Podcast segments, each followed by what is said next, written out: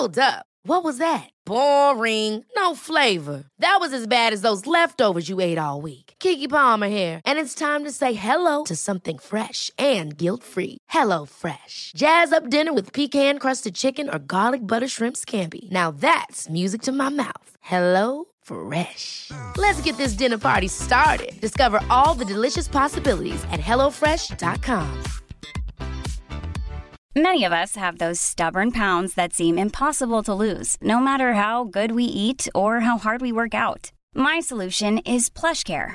PlushCare is a leading telehealth provider with doctors who are there for you day and night to partner with you in your weight loss journey. They can prescribe FDA-approved weight loss medications like Wagovi and Zepbound for those who qualify. Plus, they accept most insurance plans. To get started, visit plushcare.com slash weight loss. That's plushcare.com slash weight loss. Life is full of awesome what ifs, and some not so much, like unexpected medical costs. That's why United Healthcare provides Health Protector Guard fixed indemnity insurance plans to supplement your primary plan and help manage out of pocket costs. Learn more at uh1.com.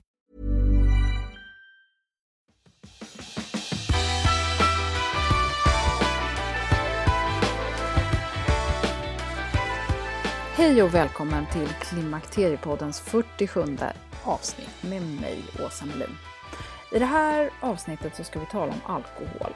Och trots den något dystra sanningen är att vi tål detta gift sämre och sämre med åren så blir det ingen predikan om att vi inte ska dricka alls.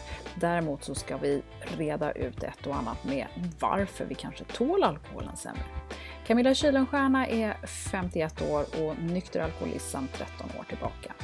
Hon la grunden för sitt drickande redan i tonåren och med två föräldrar som var alkoholister hade hon sjukdomen med sig.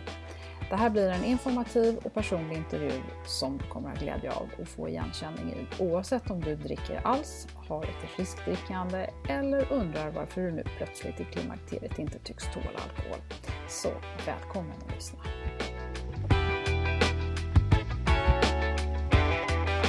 Välkommen till Klimakteriepodden Camilla Kylenstierna. Jättestort tack! Verkligen, ja. ska bli otroligt roligt. Ja men så spännande för vi ska prata om alkohol idag. Mm. Och varför har jag bjudit in dig att prata om alkohol? Kan du berätta lite om dig själv?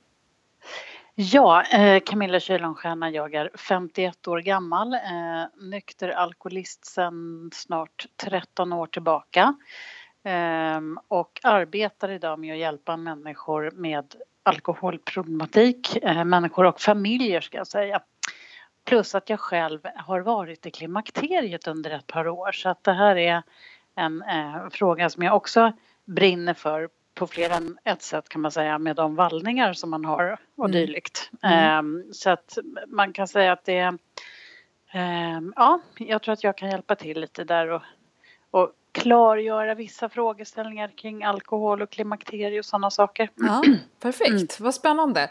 Då, mm. då har vi en liten bakgrund. Jag, jag, vill också bara tillägga här att du har ju skrivit en fantastisk bok som heter Ansvarsfull. Eh, så mm. du kan väl bara ge en liten bakgrund till den? Ja, i den boken skrev jag 2011 eh, efter det att jag, då hade jag varit nykter i sex år Eh, och fick väldigt ofta den här kommentaren att nej men inte du.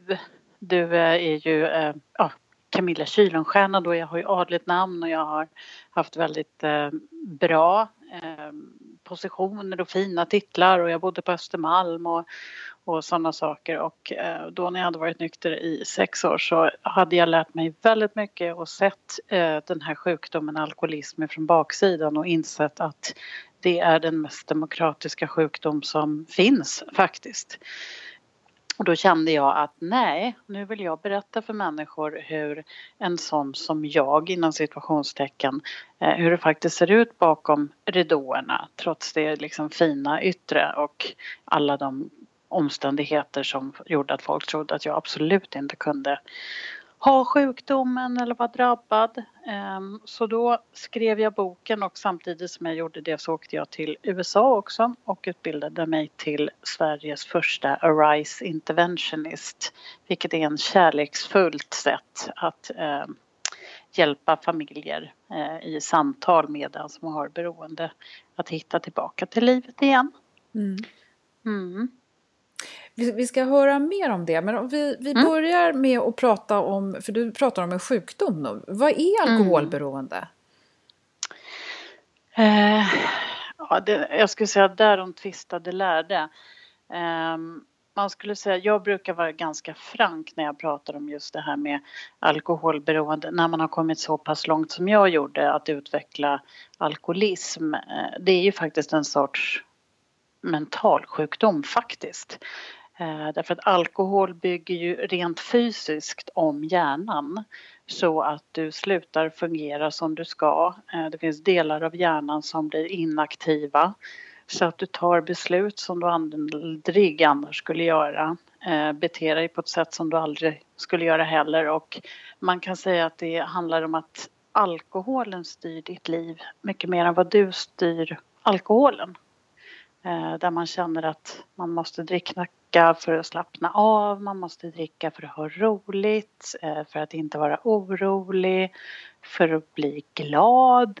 Eh, eller som i mitt fall ibland kanske inte vara så himla glad för det var en sån känsla som jag inte klarar av. Ehm, så att alkoholism är en sjukdom som faktiskt kan se ganska olika ut från person till person. Mm. Ehm, men just det att man är beroende av alkohol för att ta sig igenom vardagen och livet och så skulle jag säga. Mm, Okej, okay. för du har också sagt vid något tillfälle att det är ingen exakt vetenskap så därför så, så är det här ganska knepigt och då, då ja. kommer jag absolut eh, att tänka på men hur vet man då att man, eh, att man har ett alkoholberoende? Ja, jättebra fråga. Eh, jag får ofta den här frågan från människor som är jag alkoholist? Jag dricker ju två glas vin om dagen. Eh, men det är, man kan säga så här att alkoholism hör egentligen inte ihop med hur mycket du dricker utan alkoholism hänger ihop med eh, vad som händer när du dricker och varför du gör det. Så att jag skulle säga att, att jag, mitt svar brukar vara att när du använder alkohol på ett sätt som gör att du skadar dig själv och eller andra och du fortsätter att dricka, där skulle varningsklockorna klämta, eh, skulle jag säga. Ge, ge något exempel då på, på det du syftar på. Eh, jag skulle säga till exempel eh, Säg att man som kvinna är mamma och så ska man gå på fest eller det är att det är jul eller något sånt där. Och så kan man höra barnen säga mamma, mamma, kanske ska du inte dricka nu, du behöver inte dricka nu någonting så. Um, då har, det är ju en, en väldigt stark varningsklocka. Mm. För då har man uppenbarligen druckit på ett sätt som gör att barnen inte känner sig trygga längre. Mm. Uh, man kan säga att uh, man inte vet jag, man är ute, man är på en konferens, man vaknar dagen efter, eh, kommer inte riktigt ihåg vad som hände på kvällen, folk börjar skämta med en och så spelar man med för att man tycker att ja, ja, det där är ju ingenting, men egentligen så mår man inte så bra. Och så fortsätter man göra det här gång efter annan. Mm. Um, att man helt enkelt, man, man, är inte snäll mot sig själv och eller omgivningen. Mm. Där skulle jag säga att, att uh, man kan börja tänka efter. Mm. Um, och likaså faktiskt med, med det har ju börjat bli en liten vana i Sverige, folk som har vita månader. Det är också så här, jaha, bara liksom, det är ju inte så här bara nu ska jag inte äta körsbär på en månad. Faktiskt, och alla bara gud vad duktig du är. Utan det är ofta så här människor som planerar sin alkoholkonsumtion. Människor som inte har sjukdomen, de behöver inte göra det. Eh, så börjar man sen med vita veckor och fixa då, då kan man också tänka efter varför gör jag så här? Mm, mm. Om vi då kommer tillbaka till det här med klimakteriet så vet vi ju faktiskt att klimakteriebesvär kan förvärras av alkohol och det mm, tror mm. jag väldigt många har känt att eh, mm.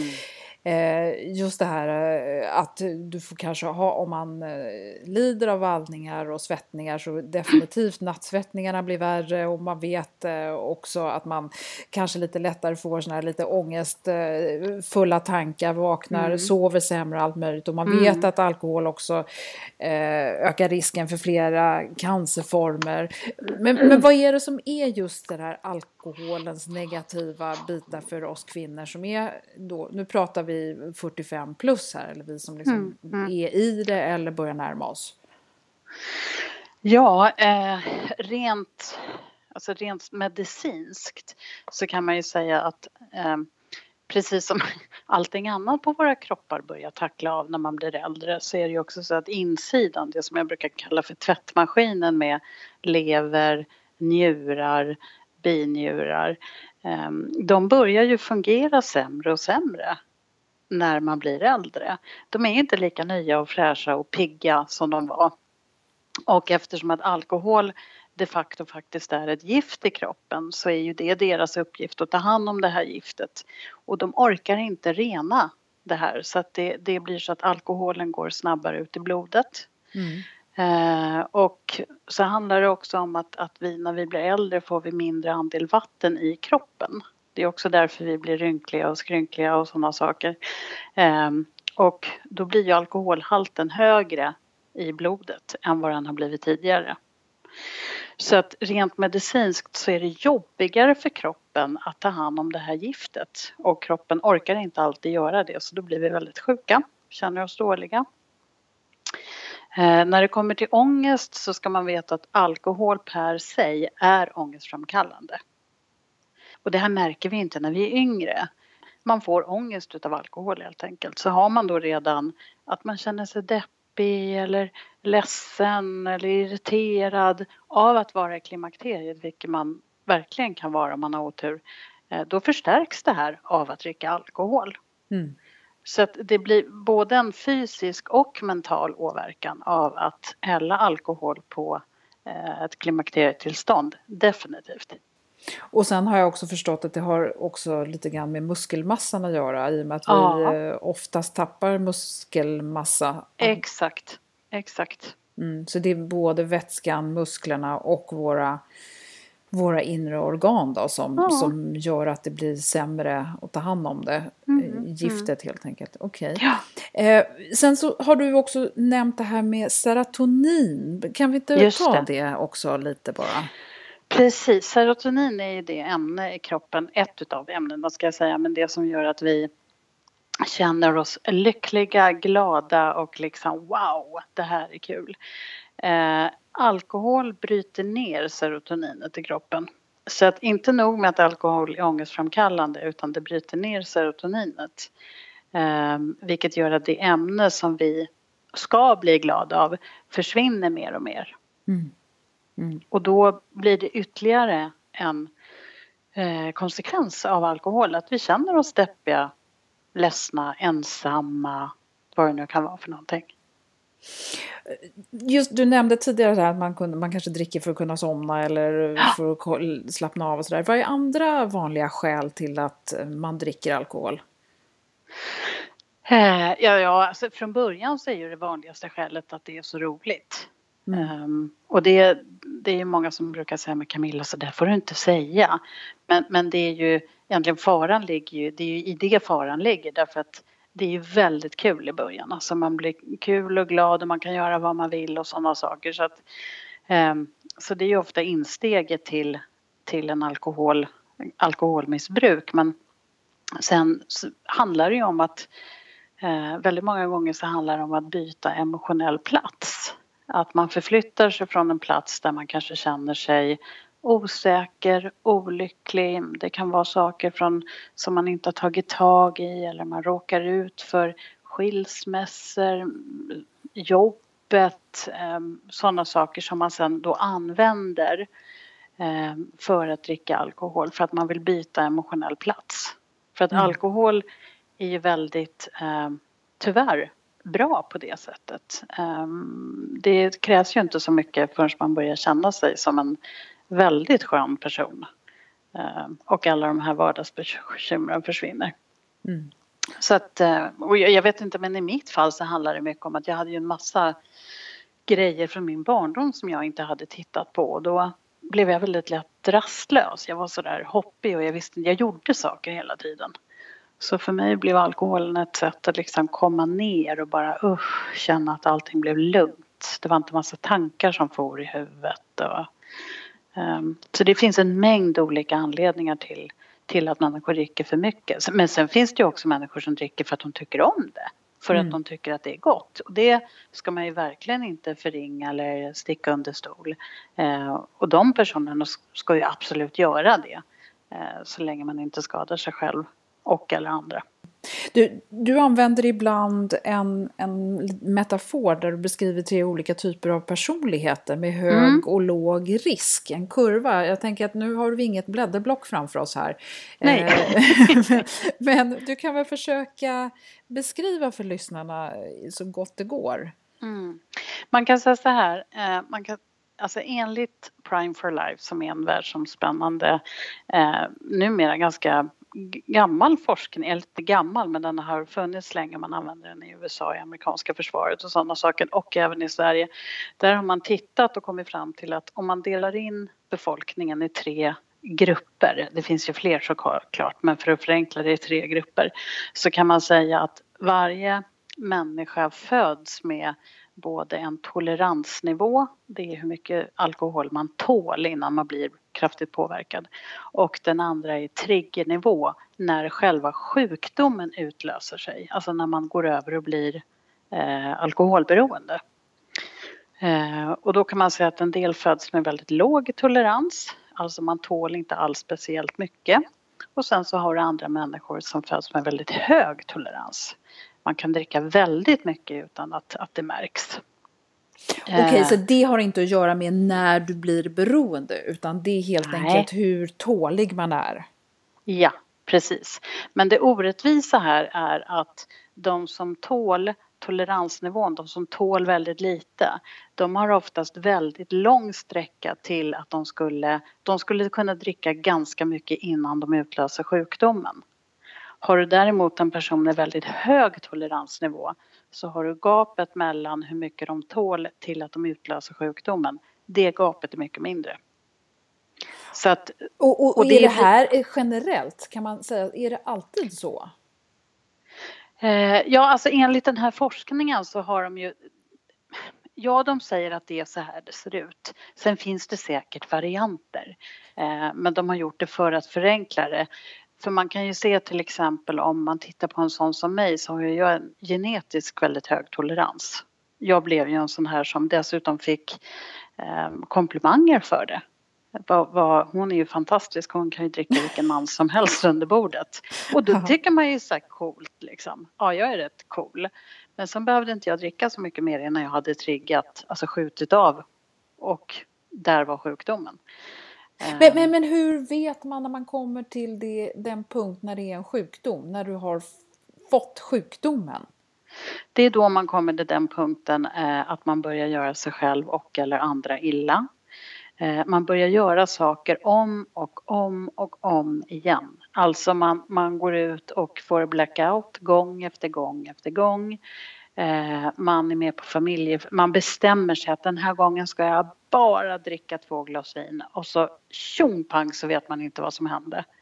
Eh, när man börjar göra upprepade dumheter och man slutar ändå inte, då har man gått in i någonting där man behöver titta på. Sen är det inte alla, det ska jag inte säga, som har utvecklat ett alkoholberoende.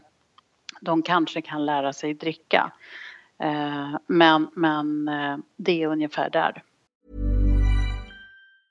There's never been a faster or easier way to start your weight loss journey than with PlushCare. PlushCare accepts most insurance plans and gives you online access to board-certified physicians who can prescribe FDA-approved weight loss medications like Wigovi and Zepbound for those who qualify. Take charge of your health and speak with a board-certified physician about a weight loss plan that's right for you. Get started today at plushcare.com slash weight loss. That's plushcare.com slash weight loss. Plushcare.com slash weight loss. Quality sleep is essential. That's why the Sleep Number Smart Bed is designed for your ever evolving sleep needs. Need a bed that's firmer or softer on either side? Helps you sleep at a comfortable temperature? Sleep Number Smart Beds let you individualize your comfort so you sleep better together. JD Power ranks Sleep Number number 1 in customer satisfaction with mattresses purchased in-store. And now, save 50% on the Sleep Number limited edition Smart Bed for a limited time. For JD Power 2023 award information, visit jdpower.com/awards. Only at a Sleep Number store or sleepnumber.com. Hey, it's Ryan Reynolds, and I'm here with Keith, co star of my upcoming film, If, only in theaters, May 17th. Do you want to tell people the big news?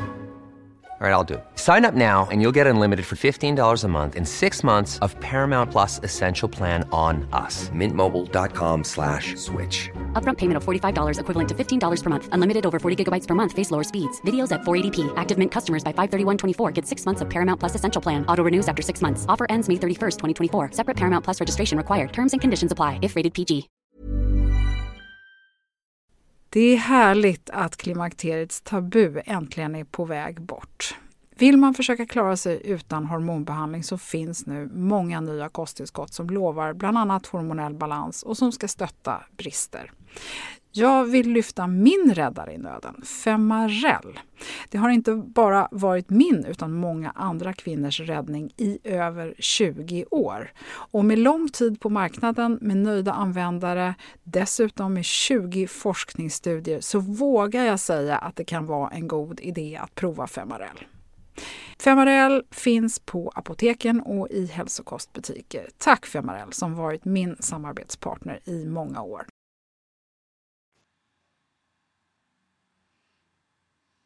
Så det är den ena delen, att man kan säga att man, man är rent genetiskt olika konstruerad vad det gäller alkohol. Eh, och då gäller det ju att dricka med det som du pratade om från början där man kan se att om man dricker med låg risk eh, eller hög risk. Eh, och sen så om man dricker med hög risk så pass mycket så att man utvecklar sjukdomen. Så tre stadier kan man väl säga att det finns. Eh, men de flesta personer de pendlar mellan låg och hög risk eh, konsumtion. Alltså från att dricka ingenting eller ett glas vin någon gång till att man under perioder som studenten, eh, man pluggar någonstans, man, man umgås med något gäng och så skaffar man familj då går man ner och så dricker man inte så mycket och sen kanske man skiljer sig och då är man ute och festar jättemycket och då börjar man dricka med hög risk igen och sen går man ner. Ehm, så att de flesta människor pendlar ju upp och ner där. Men har du en gång druckit så mycket med hög risk så att du har liksom gått förbi din triggernivå, alltså den nivå där du utvecklar sjukdomen, då är det i princip helt omöjligt att kunna dricka på ett normalt sätt igen. Mm. Ja, det, det är ju alltså det är väldigt, jag tänker på den här klimakteriekvinnan nu då som, ja. som använder, som där klimakteriet faktiskt kan vara lite som en livskris och alkohol blir en sån här lite självmedicineringsvariant. Eh, ja. Precis det du beskrev nu. Det är ett sätt att lugna, det är ett sätt att som, kunna somna, det är ett sätt att göra mm. massor med olika sådana här. Och väldigt många kvinnor dricker för mycket. Det, det inte liksom, vi skojar ju inte bara, inte för inte, om att oj vad blaskig och plaskig och hit och dit och ett, ett, ett hav av vin och allt vad det nu är för någonting. Mm. Mm. Jag tycker tycker, jag tycker ändå att det är spännande för att du, eftersom de flesta vittnar samtidigt om att de tål alkoholen sämre. Mm. Och sen ändå så, så gör man det, eller mm. de eller man eller så gång på gång. Vad, vad, är det någon form av beroendegrej eller vad är det för något? Det kan vara Självskadebeteende. Liksom. Nej men alltså ja verkligen, nej, men det kan vara det. Men man kan säga så att jag tror inte det handlar så mycket om eller för mig var det inte så i alla fall. Ehm, men jag tänker om du sitter, alltså du har kommit till klimakteriet, du känner inte igen din kropp. Jag vet inte, kroppsdelarna känns som de byter plats, kläderna passar inte. Alltså du svettas som en iller, du blir ilsk, ledsen. Alltså, man börjar ju tro att man är mer eller mindre sinnessjuk. Mm. Och, och sen så tänker jag så här, jag tar ett glas vin och så två glas vin och så bara blir det så himla trevligt. Alltså allting blir så skönt, det blir så lugnt. Man kanske börjar tycka att jag är en piffig typ i alla fall, lite så här. Um, så att, så att det handlar nog mer om att inte vara emotionellt där du är utan alkohol utan mer vara i det när du dricker alkohol. Och då kanske det inte spelar så stor roll om det blir plaskigt och konstigt där. För att du vill inte vara kvar i det här svettiga, deprimerade på den platsen. Så att det är väl mer åt det hållet att det blir som en det blir som en kompis, det är mysigt, eh, slappnar av, mm. lite så. Mm. Eh, jag tänker på att vi kommer tillbaka till det här med, att, eh, med hur mycket man tål och mår dåligt och så vidare. Eh, mm. Man har ju alltid fått höra att desto mer alkoholiserad man är, desto mer tål man. Är det mm. verkligen så? För jag tänker på det du vittnar om, eller det du berättade här är ju mm. varför vi inte tål så mycket när vi blir äldre och vi mm. kvinnor då mm. runt 50.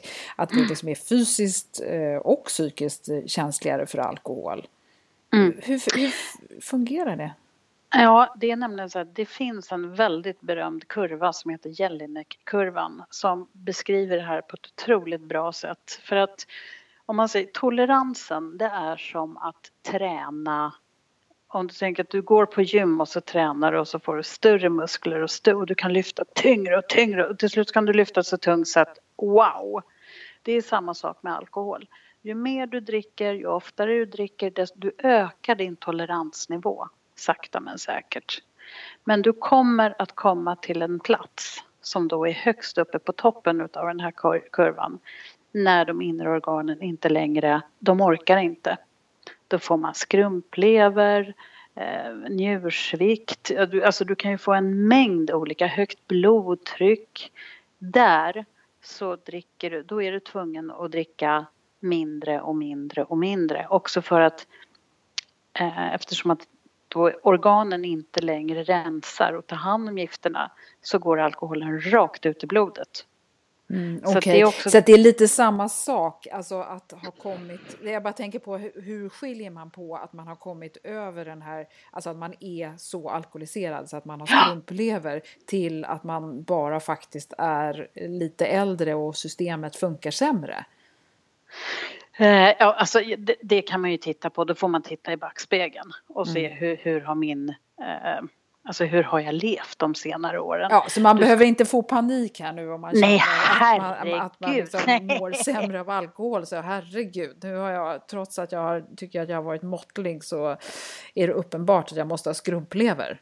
Nej, nej, nej, nej, herregud. Men jag tänker så här, det, det är så många grejer som inte vi vi orkar när vi blir äldre. Alltså, du vet, alltså, jag orkar inte vara ute och dansa hela natten. Jag orkar inte vara uppe sent. Jag orkar inte hänga... Alltså, det, det, vad ska man säga, stökiga ljudmiljöer. Det är ju många liksom, när man kommer upp i ålder. Jag är en av dem.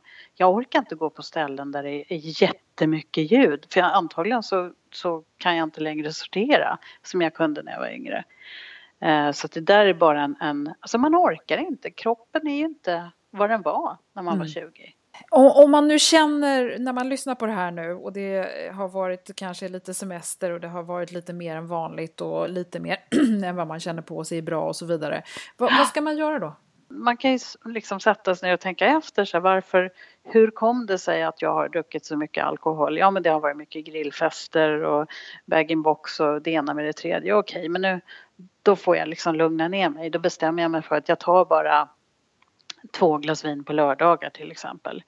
Eh, om jag däremot upptäcker efter ett tag att jag inte riktigt klarar av det utan det blev tydligen liksom tre glas på en torsdag och så vart det fem på lördag och så vart det då bör man ju se upp och bara oj oj oj vad är det här för någonting? Um, och då kan man ju gå och prata med någon och prata om det här. Um, någon alkoholterapeut eller med sin läkare eller någonting. Mm. Um, och se och så går man då till en typ vårdcentralen till doktorn där eller? Ja, alltså tyvärr, tyvärr så är det ju så här att våran vanliga sjukvård är ju inte så himla... De, de, alltså när man utbildar sig till läkare idag så har de ju liksom inget kapitel om alkoholberoende i sin utbildning, alltså ett gediget kapitel. Eh, utan då kan ju de fråga dig hur mycket du dricker och såna här saker. Eh, men som sagt, det har ju inte med hur mycket du dricker att göra utan vad händer när jag dricker? Eh, vad händer med mig? Blir jag ledsen? Blir jag aggressiv? Eh, sådana saker. Har jag svårt att sluta? Så att jag skulle nog i sådana fall hellre gå till någon, till personer och till företag som jobbar med beroendevård. Mm. Och dit kan man ju ringa, du kan ju ringa anonymt. Bara mm. säga hej jag heter vad du vill Kalle. Uh, jag skulle vilja kolla det här och det här. Mm. Vad tror ni? Liksom. Mm. För det uh, finns verkligen mycket hjälp att få. Och, och den, de här interventionerna som du jobbar med, mm. berätta hur, mm. hur går de till då? Eh, de går till som så att eh, interventioner det är liksom ett, ett, eh, man ska säga ett, ett, ord som beskriver att man bryter en destruktiv eh, process. Och det går till så, så att ofta är det så att det är en familjemedlem som ringer, säger att det är en man som ringer och säger att min fru eh, dricker väldigt mycket alkohol, eh, vi har svårt i familjen, vi är oroliga för henne, sådana saker. Men det går inte att prata med henne för att hon vill inte lyssna på vad vi säger. Eh, och då pratar vi om det här och så bildar jag mig en uppfattning om hur det ser ut. Eh, och jag intervjuar också hela familjen under ganska lång tid ibland så att jag får en riktigt klar bild över hur det ser ut i familjen rent emotionellt och tillbaka i generationer. Eh, det är någonting som heter genogram som jag skapar då där jag tittar på hur finns det, alltså har ni tidigare beroende, depressioner, för tidiga dödsfall, skilsmässor, emotionell tystnad. Eh, vad händer i er familj och har hänt generationer tillbaka? Eh, när jag har den här bilden framför mig och familjen känner att jag vill gå vidare så får en av familjemedlemmarna i uppgift att bjuda in beroendepersonen, hustrun i det här fallet, utifrån familjeperspektivet där man säger att våran familj mår inte bra, vi är olyckliga, vi vill hitta tillbaka ett lyckligt och friskt liv igen. Vill du vara med? Eh, att man inte pinpointar då och säger att du är orsaken till vår allas olycka, för det är sällan så. Eh, och då säger de allra flesta, ja, jag är med, jag är med. Ehm, och sen så träffas man allihopa och då brukar jag eh, dels berätta om mig själv först och sen så går jag igenom sjukdomen eh, ganska konkret. Eh, visa bilder på hjärnskanningar så man kan se vad som händer i hjärnan. Så att de förstår att när de säger att mamma är dum i huvudet så brukar jag säga att ja hon är faktiskt det. Därför att hon ser ut så här i hjärnan just nu. Eh, och jag såg också ut så när jag var sjuk. Um, och så går vi igenom det och sen så får var och en i familjen tala till mamman utifrån kärlek, omtanke och respekt. Och bara i jag-form där man förklarar och säger att mamma, jag saknar dig. Eh, mitt liv är väldigt, väldigt tomt utan dig och jag önskar att du kom tillbaka igen för att um, jag saknar dig något så vansinnigt och jag behöver dig i mitt liv. Och så får var och en tala till henne och sen får hon prata. Mm. Eh, och då brukar det bli lite utav en lovebombing eh, för då får ju hon bara höra hela familjen som sitter och berättar för henne hur mycket de älskar henne och hur mycket de längtar efter henne. Eh, många tror ju att man ska vara tuff och säga att du förstör och du är en dålig människa och sådär men människor med alkoholberoende säger det till sig själva varenda dag. Eh, vad man inte vet är att man är älskad och behövd och efterlängtad. Mm. Så att när familjen har pratat, och det här tar ju fyra, fem timmar kan det göra. Mm. Så säger vi också att, att eh, familjen får lägga fram då förslag på eh, olika åtgärder. Det kan vara allt från terapeuter till eh, behandlingshem till behandlingar dit man går en gång i veckan eller en gång varje dag. Eh, och så är du redo att ta den här behandlingen? Ja, säger hon då förhoppningsvis. Det är jag. Och då brukar jag vända mig till resten av familjen och säga att okej, okay, nu är det er del. För då har vi ju gått igenom det här familjeschemat eh, där familjen tror oftast inte det från början för de tror att hon är roten till det onda men sen när man börjar gräva så hittar man alltid saker. Eh, och då visar det sig oftast att någon har blivit eh, medberoende att de har sett till sin livsuppgift att se till så att mamma inte dricker så att de förringar sitt eget liv och blir olyckliga på kuppen. Det kan vara saker man inte har pratat om eh, som familjen faktiskt behöver prata om. Så att då, då, skickar jag ut varje familjemedlem så att någon får gå till en medberoende terapeut. Någon kanske får gå in på ett öppet, inte vet jag, A-möte för att se att de här konstiga alkoholisterna inte är så konstiga. Så att, och så för man familjen framåt på ett kärleksfullt sätt mm. tillsammans. Mm. Så att det, det, är en ganska, det är en kraftfull omfattande process som de flesta är oerhört rädda att gå in i men som efteråt känns, ofta så tycker de att det har blivit väldigt lätt. Mycket mm. lättare. Även om man nu eh, som lyssnare inte känner att man själv behöver gå in i det här så kanske man har någon närstående som man kan hjälpa på ett eller annat sätt. Så det är väl fantastiskt. Ja. Så vi får lägga upp en en länk på hemsidan med hur man kommer i kontakt med dig. Ja, och, ja, ja. Eh, sen också så har du varit gullig och eh, sagt att eh, man också skulle kunna få, vi skulle kunna lotta ut några av dina böcker ansvarsfull. Mm. Eh, och om man inte orkar vänta på den utlottningen så kan man köpa den här boken, eller hur? Det kan man göra, man kan köpa boken, sen kan man faktiskt lyssna på Storytel där jag har, eller det finns väl massa andra också, där jag själv har läst in den. Mm. Så den finns som ljudbok också. Mm. Och den finns att låna på biblioteket ska jag säga. Mm. För de som, det tycker jag är smart. Så slipper man köpa om man inte vill. Nej. Ja men perfekt. Mm. Då, men det lägger vi också upp en bild och en länk på. Och där berättar du hela din historia om man ah. blev eh, nyfiken på den. Som eh, jag kan eh, bekräfta att den är, man ska gärna ha näsdukar till hands när man läser Nej, men... vissa delar i den. Ja. ja.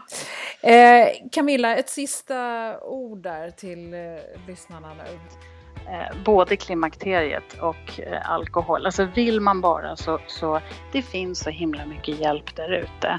Eh, och man ska komma ihåg att, att många av de här tankarna tycker jag som man, som man kan få eh, i klimakteriet, jag vet ju det själv, eller om man missbrukar någonting, det kan ju vara någonting annat, men, men är ju liksom inte ens egna tankar utan man kan få så himla mycket sådär att jag duger inte och jag är inte bra och jag är inte så. Eh, men, men vågar man gå och prata med någon eller några eller hur man gör och, och liksom lufta det här så brukar det gå över för att alla människor är värda att älskas och ha ett fantastiskt liv. Mm. Tack Camilla, det, det känns eh, lite bättre där. Med, ja. ett sånt Vad bra. Ja. Allt löser sig. Ja. Allt löser sig, precis. Så är det. Ja. Ja. men fantastiskt. Tusen tack Camilla för att du var eh, så informativ och öppen också om dig själv. Jättespännande avsnitt tycker jag att det blev. Så tusen tack för att du kom till Klimakteriepodden. Ja, tack för att jag fick vara med. Som utlovat så finns det några länkar på klimakteriepodden.se och Klimakteriepoddens Facebook-sida som är relaterade till avsnittet för den som vill läsa mer. Och vill du ha chansen att få Camillas bok Ansvarsfull så finns det information på Klimakteriepoddens Facebook-sida om hur du går tillväga för att ha chansen. I boken Ansvarsfull berättar Camilla helt öppet hela sin historia om varför hon blev alkoholist och hur hon tog sig ur det. Du får också väldigt gärna följa Klimakteriepodden på Instagram och Facebook om du inte redan gör det. Och jag blir jätteglad om du delar avsnitten med någon du kan tro vara intresserad. Och vill du komma i kontakt med mig, Åsa Melin, så mejla på info.klimakteriepodden.se och där kan du också komma med önskemål om personer och ämnen som du vill att jag ska ta upp i kommande avsnitt. Vill du vara säker på att inte missa något avsnitt så vet du väl också att du kan prenumerera på Klimakteriepodden, till exempel genom iTunes och Acasts podcastappar. Tack för att du har lyssnat och hoppas du är med och lyssnar snart igen. Hej då!